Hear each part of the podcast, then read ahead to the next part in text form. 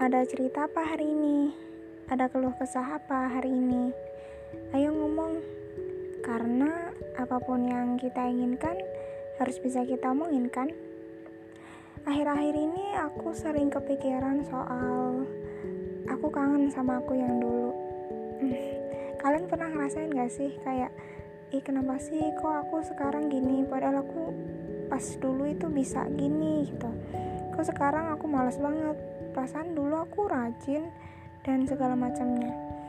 E, mungkin sebenarnya ya tanpa kita sadari kita yang dulu itu adalah kita yang memang e, beradaptasi dengan lingkungan kita yang dulu. Dan kita yang sekarang ya kita yang sudah beradaptasi dengan lingkungan kita yang sekarang kita nggak pernah tahu mana yang lebih baik antara kita yang dulu atau kita yang sekarang.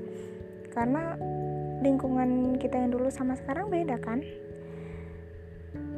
Jadi ya apa ya um, apa ya ya rasa kangen mungkin wajar tapi gak usah deh terlalu dibuat overthinking atau gimana.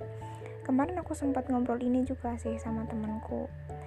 Ini teman yang temanku juga di waktu lalu gitu teman lama maksudnya. Nah kita tuh sama-sama kayak kangen sama kita yang dulu itu terus kata temanku ini gini bilang mungkin kita emang sudah memaafkan diri kita yang sekarang karena menurut kita nggak sebaik sama kita yang dulu.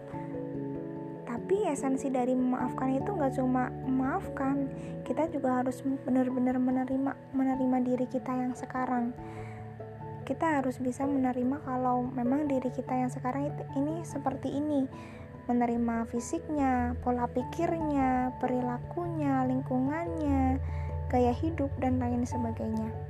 Tapi yang perlu kita ingat apa pun hal positif apa pun yang sudah melekat di diri kita yang dulu mungkin itu dari uh, penampilan atau dari sopan santun atau dari kebiasaan baik kita atau yang lainnya yang sudah melekat di diri kita yang dulu jangan sampai di diri kita yang sekarang ini benar-benar hilang. Mungkin uh, bisa jadi berkurang ya tapi usahakan uh, kita harus selalu berusaha untuk jangan pernah sampai benar-benar lepas dari diri kita semisal mungkin ketika kita dulu um, ini apa ya misal ketika kita dulu suka baca Quran one day one juice gitu ya sekarang mungkin susah buat one day one juice tapi ya usahakan untuk tetap membaca Al-Quran karena